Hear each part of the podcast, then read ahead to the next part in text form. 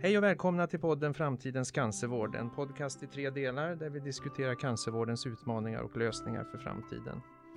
Jag heter Thomas Wahlgren och är medicinsk chef för området onkologi på Pfizer. Tidigare har jag arbetat som läkare 13 år inom cancervården. Framtidens cancervård är en lösningsinriktad podcast där vi diskuterar framtiden för den svenska cancervården med några av de mest initierade personerna på området.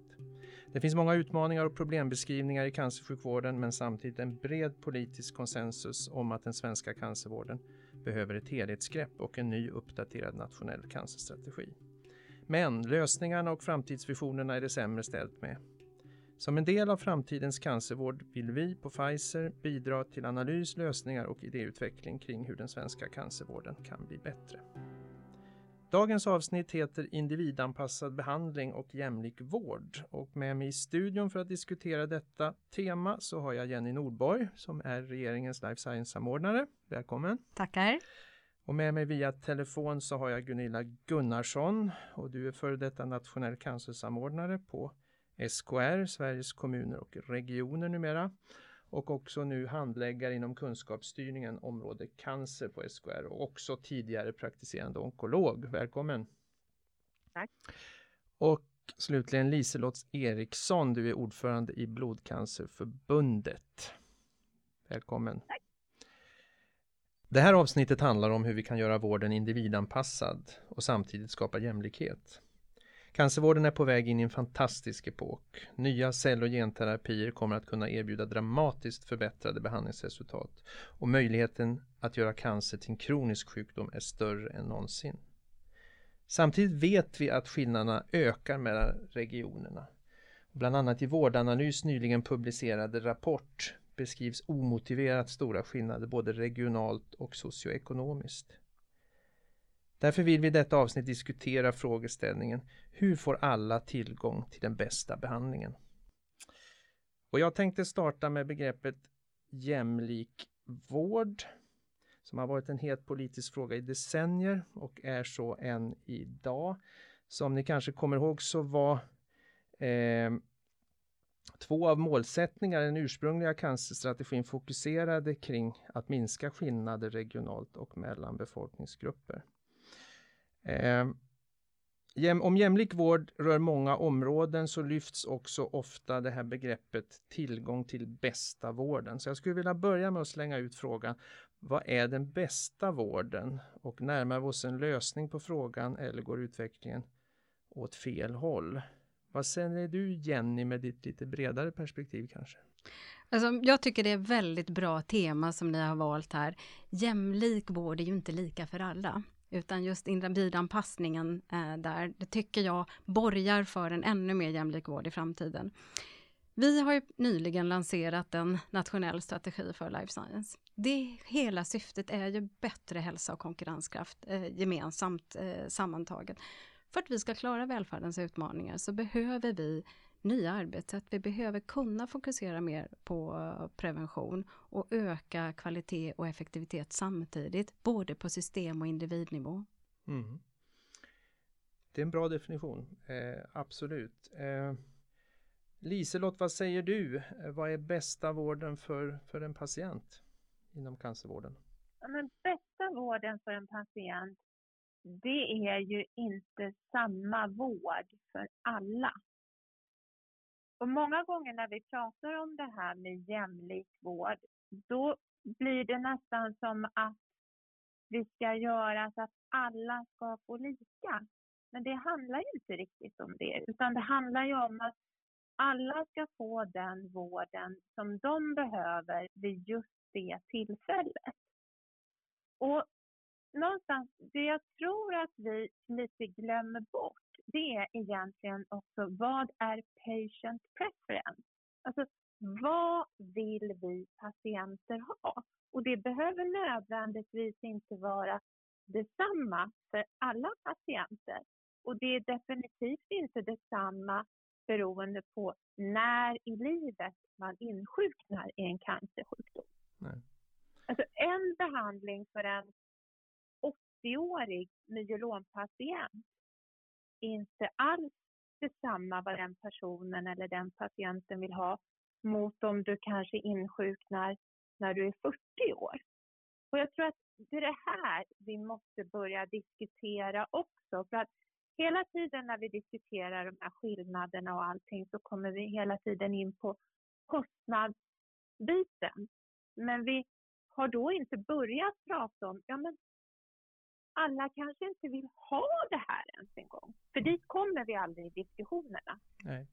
Det är mycket tankvärda eh, ord där. Eh, Gunilla, du som har jobbat i processen med att skapa jämlik och bästa vård i, och fortfarande gör i viss mån. Hur ser du på det här? Vad är bästa vården? Ja, först skulle jag vilja säga att jag håller inte med dig Thomas när du säger att jämlik vård har varit en, en het politisk fråga i decennier. Eh, jag tycker nog inte den frågan var het alls egentligen innan cancerstrategin startade utan den har blivit verkligen het under de senaste åren.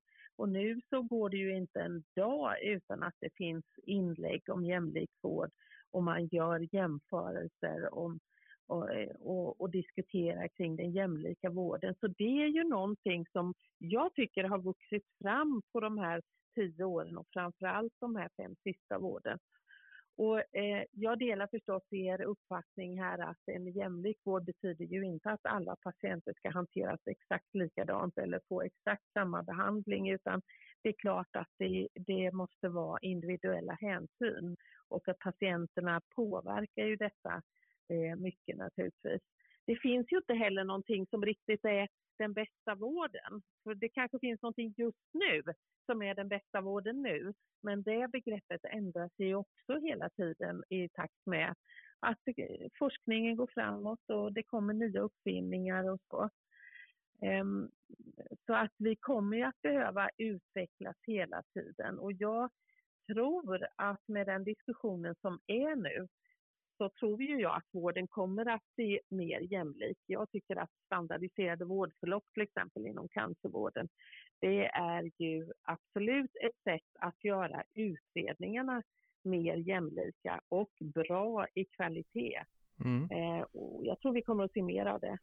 När du nämner kvalitet, alltså många gånger så beskrivs ju vården i termer av tid och förlopp och väntetider och så vidare. Jag skulle just bara vilja komplettera den här frågan med var kommer kvaliteten in? Vad säger du Jenny? Alltså hela uppföljningen. Jag tycker ju, du började med att prata om uh, vårdanalysrapport. Jag tycker den visar på den här fantastiska styrkan med att vi faktiskt har de kvalitetsregister vi har. Att, man, att vårdanalys kan göra den sammanställningen som gäller hela befolkningen på fyra cancersjukdomar. Uh, att kan göra den helt, eh, helheten. Det är ju en möjlighet som, stark som vi har. Men det, lika mycket eh, som vi har det så poängterar vi också i strategin och i alla andra sammanhang nu att vi behöver kunna använda också egenrapporterad data för, eh, för vården i sig och för forskning och innovation. Absolut, och den kommer ju från patienten. Den då. kommer ju från patienten. Liselott, vad säger du om kvalitet i det här sammanhanget? Hur ska man mäta det? alltså jag, jag är ju mycket inne på det här ändå att kvalitet måste ju mätas utifrån vad patienterna någonstans önskar och vad, vad som faktiskt är patient preference. Det, och om, om man tittar på, alltså vi jobbar ju mycket och tittar på hur man jobbar också utifrån det här i ett internationellt perspektiv, inte bara i Sverige. Och där pratar man väldigt mycket om det här och det är många patientorganisationer som faktiskt gör sina egna patient preference-studier då. Och det tror jag vi måste börja titta betydligt mer på i Sverige. Och det som kommer nu, det handlar ju också mycket om det här med precisionsmedicin. Att vi vet att en patient med en viss mutation svarar bra på just den här behandlingen. Och då är det ju kvalitet att kunna få just den behandlingen. Även om den behandlingen, och att vi någonstans är så pass följsamma så vi verkligen har nationella rekommendationerna för att den patienten ska få just den behandlingen. För att vi vet att det här skulle den personen svara på. Men svarar inte på de här andra behandlingarna som finns tillgängliga. Just det. Och jag tror att du kommer in på något väldigt viktigt här, att det här med att, att, att ha rätt till en individualiserad behandling över hela landet. Och, och, med det så skulle jag vilja ställa den här frågan. Vi har ju en stark tradition av regional styrning och här kan väl säga att RCC som du har lett Gunilla tidigare eh, var ett försök till en nationell samordning. Men, men hur påverkar den här regionala, ganska starka traditionen av regional styrning då möjligheten till en jämlik cancervård och vilka lösningar ser ni framåt? Du kanske ska kommentera Gunilla först på det. Mm. Ja, eh, det, det, vill jag ju säga att vi har 21 regioner. Det gör det svårt. Det är helt klart och eh, eh det får vi, har vi ju då genom åren fått arbeta med på olika sätt och jag tycker ändå att vi har kommit eh, en bit på väg. Men det har vi ju gjort därför att vi har haft den nationella samverkansgruppen med eh, sex stycken representanter från sjukvårdsregionerna. Och vi har ju arbetat med sättet att vi ska ha konsensus i gruppen och eh, genomföra olika saker tillsammans. Det har ju varit framgångsrikt när det gäller nationella vårdprogram som till exempel är, jag tycker är, är en förutsättning för att få en jämlik vård när det gäller stödet till kvalitetsregister, när det gäller vårdprocessarbetet, Eh, databaser med information, kliniska studier, Regimbiblioteket och så vidare, tarmcancerscreeningen. Men det finns många saker där vi arbetar tillsammans. Jag tror att hade vi inte haft den möjligheten eh, att eh, jobba tillsammans nationellt så hade vi haft eh, eh ännu större skillnader idag än vad vi har. Mm. Du Jenny, du jobbar ju eh, också med en statlig del så att säga i, i universiteten i ditt jobb som life science-samordnare. Vad, vad, hur ser du möjligheter framåt att kunna styra cancervården och forskningen? Ja, jag ser, kanske mer ser det som en, att eh, kraftsamla kring cancervården och forskningen i och med att vi alla äger det här eh, life science-området gemensamt och eh, tillsammans från alla olika nivåer. Eh, och just om vi ska vara ett ledande land i omställningen mot precisionsmedicin så är det just kring diagnostik och bioinformatik där vi behöver gemensamma nationella strukturer och som Gunilla lyfter fram, att vi har ett långsiktigt arbete som vi redan har byggt upp är ju strukturer som är otroligt viktiga att vi kan bygga vidare på i det. Mm. Patienterna märker väl av det här Liselott också att, att det kan vara olika över landet och eh, vad har du för kommentar? Oh ja, det, det märks väldigt tydligt och det kan man ju se på väldigt många olika rapporter där man jämför tillgång till olika läkemedel och så eh, inom, inom alltså cancerområdet. Men jag tror, jag, jag, lite grann, jag tror att vi har gjort en hel del. Jag håller helt och hållet med Gunilla Gunnarsson att vi, det har hänt mycket. Men i förhållande till den snabba medicinska utvecklingstakt vi har så tror jag att vi är för långsamma. Och alla våra processer med olika nivåer i vårt land gör att arbetet bromsas upp. Och vi måste, ska vi hänga med i framtiden och verkligen vara en ledande life science-nation, då tror jag vi måste någonstans få en starkare statlig del där vi har någon som tar liksom helhetsansvar över det här och att vi faktiskt måste kapa olika nivåer så att vi kan hänga med i det här snabba arbetet. För att vi har en tendens hela tiden att bromsas upp. Det tar liksom för lång tid. Tids nog så får vi nästan alla nationella rekommendationer på plats. Men då kan det gå inom loppet av kanske två år. Och hur många patienter har inte hunnit dö faktiskt på den tiden? Nej. I onödan. Eh. Och det här tror jag, vi måste vara snabbare. Jenny viftar här, vill kommentera. Nej, men jag håller ju helt med Liselott att det, förändringstakten ökar ju på ett sätt som vi inte är vana vid att jobba i linje med. Eh, och jag kan bara reflektera över de snart två åren när jag har haft den här rollen som nationell samordnare, att hur mycket takten har ökat bara under den här perioden och hur mycket andra länder gör, gör i, i det här arbetet. Så när vi pratar en effektiv implementering så behöver vi ju se hur bygger vi processer för förändring snarare än processer för att vi ska eh, kunna få ut ett gemensamt budskap eller en eh, liksom liknande förlopp, utan vi behöver också ha processer för ständig eh, förändring och förnyelse i den kunskap som vi har. Ja. Eh, nivåstrukturering är också något som kan komma in i, i den här typen av, av diskussion. Eh, Liselott, vill du kommentera på det? Eh, hur ser ni till exempel från Blodcancerförbundet på möjligheten att få att, att nivåstrukturera vissa typer av behandlingar? Är det positivt ur en patientsynpunkt? Alltså jag, jag, jag tror rent generellt att man måste ta ett, ta ett större grepp om det och jag tror att precis som jag var inne på tidigare och som Jenny också förstärkte, vi måste bli snabbare och titta på förändringsprocesser.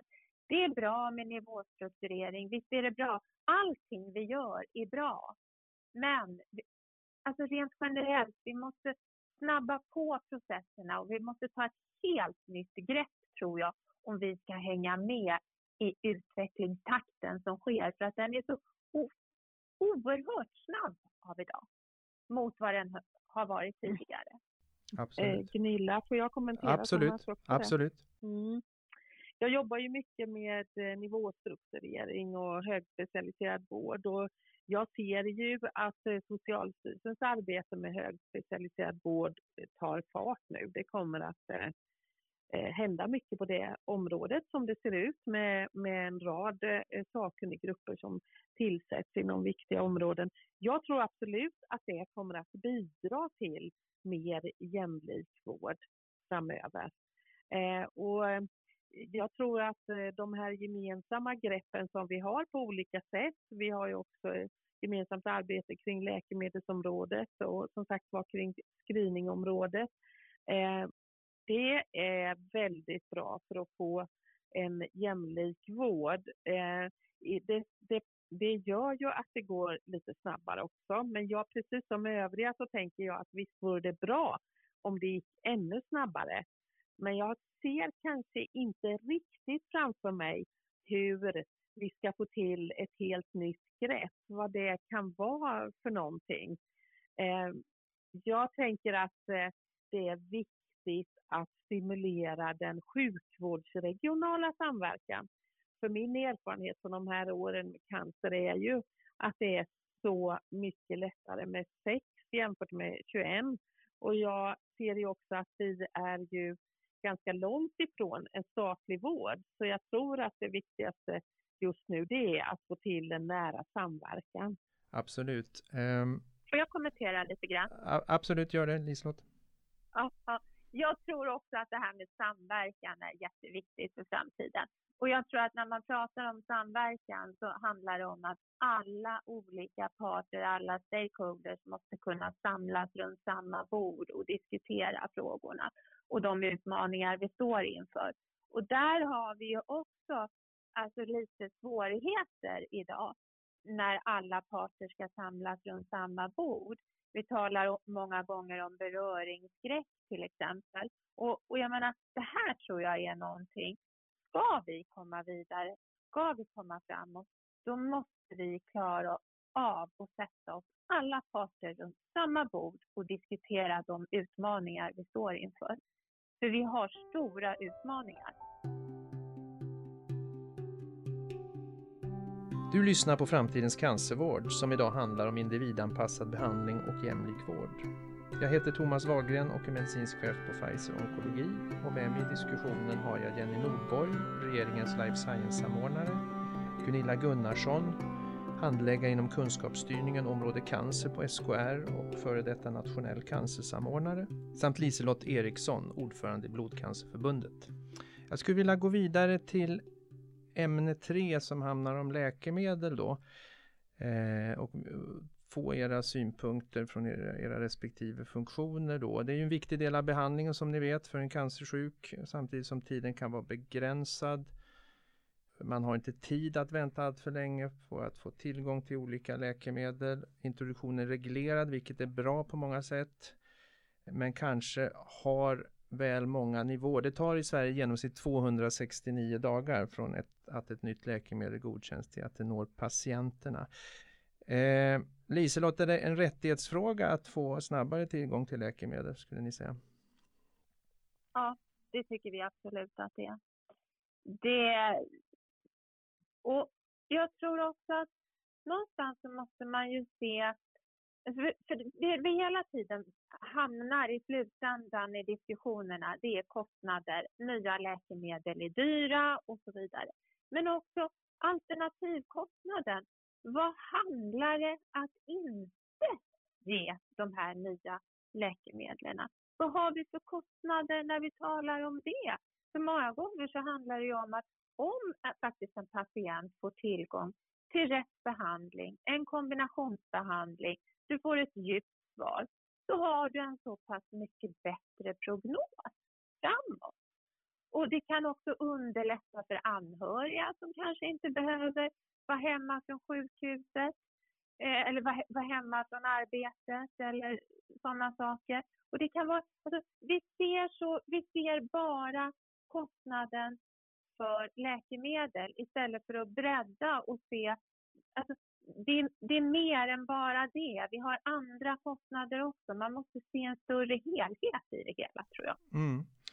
Eh, mycket handlar väl om också att kunna följa upp läkemedlen på ett, på ett eh, bättre sätt och det handlar om logistik och hälsodata och så vidare. Jenny, har du någon kommentar eh, vad man kan göra från politikens håll för att Eh, bättre introducera läkemedel? vi har ju en tydlig målsättning i den nationella strategin kring eh, effektivare implementering. Eh, och då gäller det ju alla olika former av behandlingsmetoder.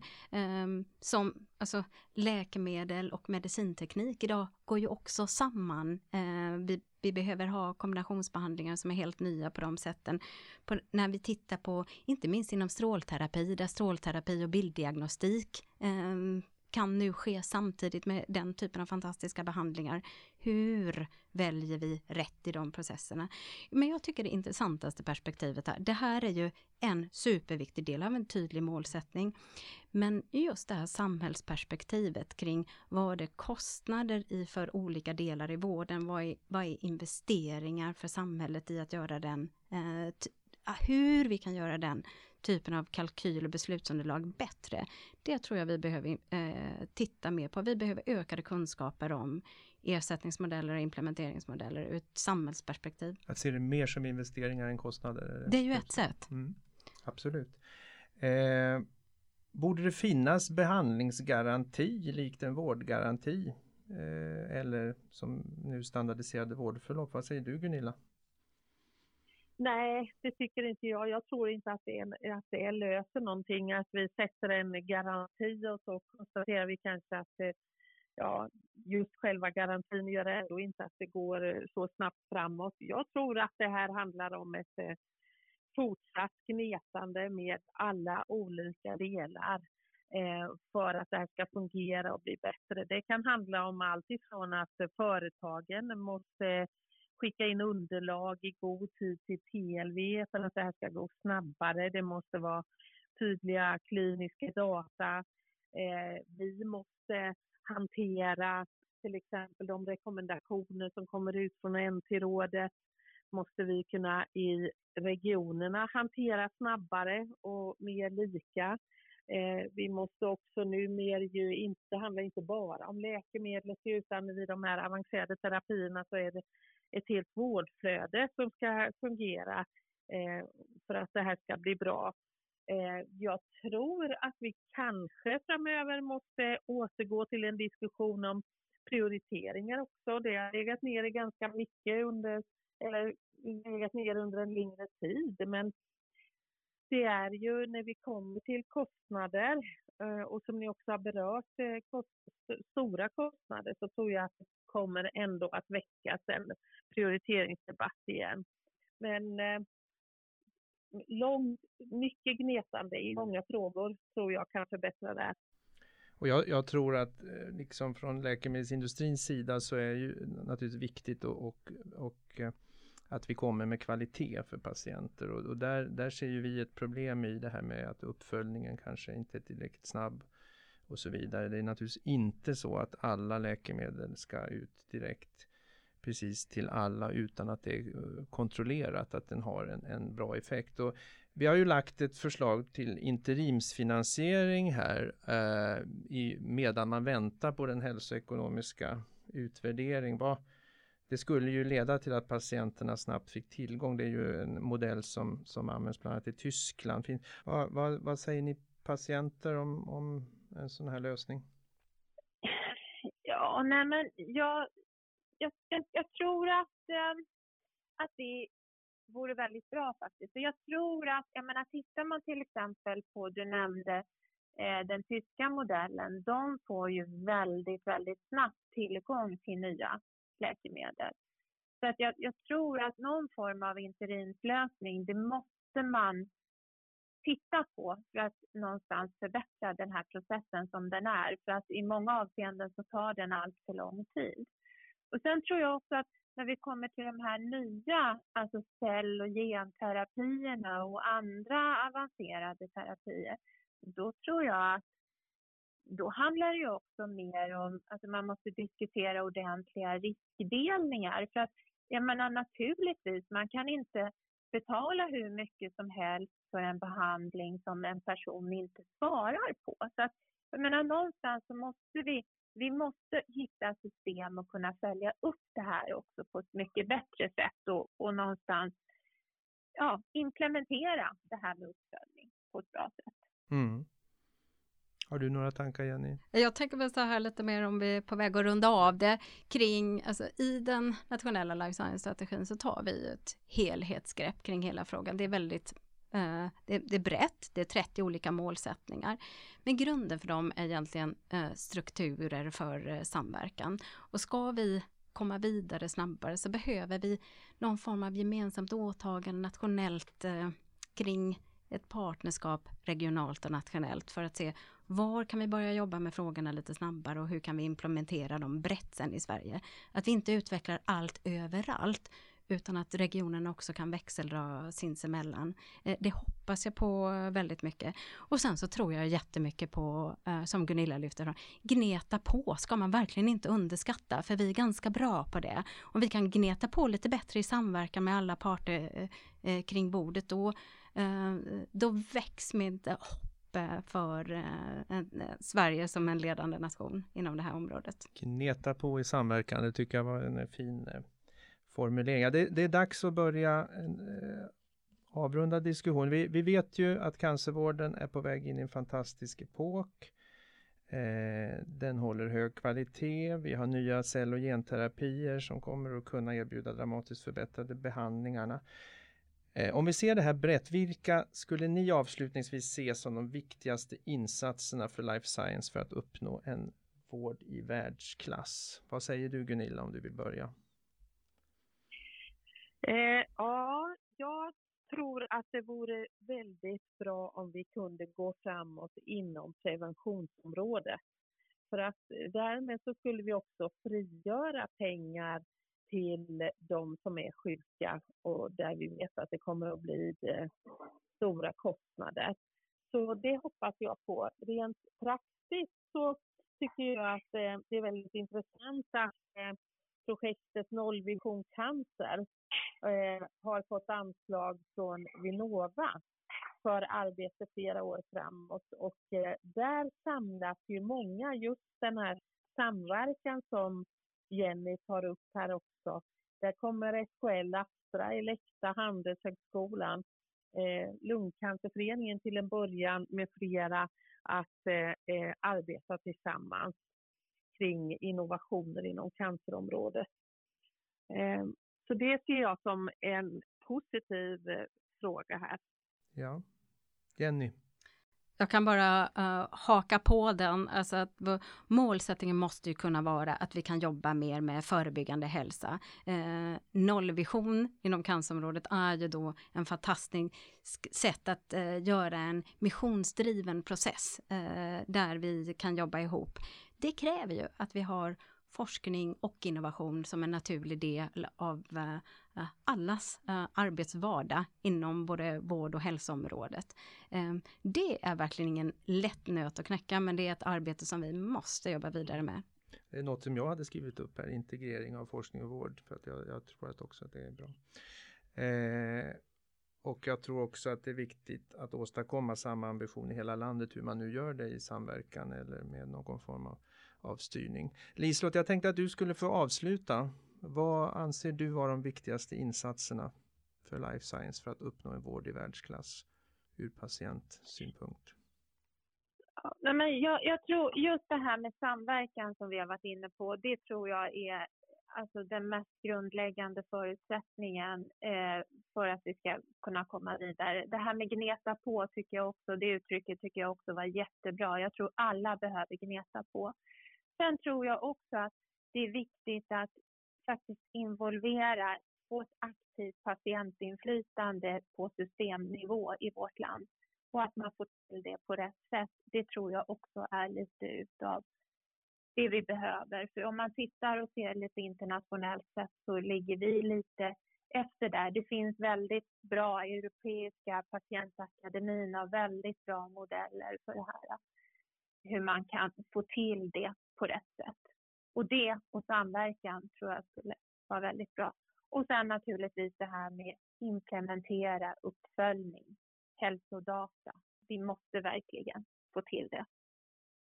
Samverkan, patientinflytande och hälsodata. Det var en fin avrundning på den här diskussionen och nu vill jag formellt avrunda och tacka er som har varit med och som, er som har lyssnat på diskussionen kring individanpassad behandling och jämlik vård. Tack, tack. Tack. Och här har vi berört definitioner av jämlik och bäst vård, regional styrning, tillgång till läkemedel och förslag på viktigaste insatser framåt. Fortsätt gärna att lyssna på del 3. Därför behöver Sverige en ny cancerstrategi. Tack och hej!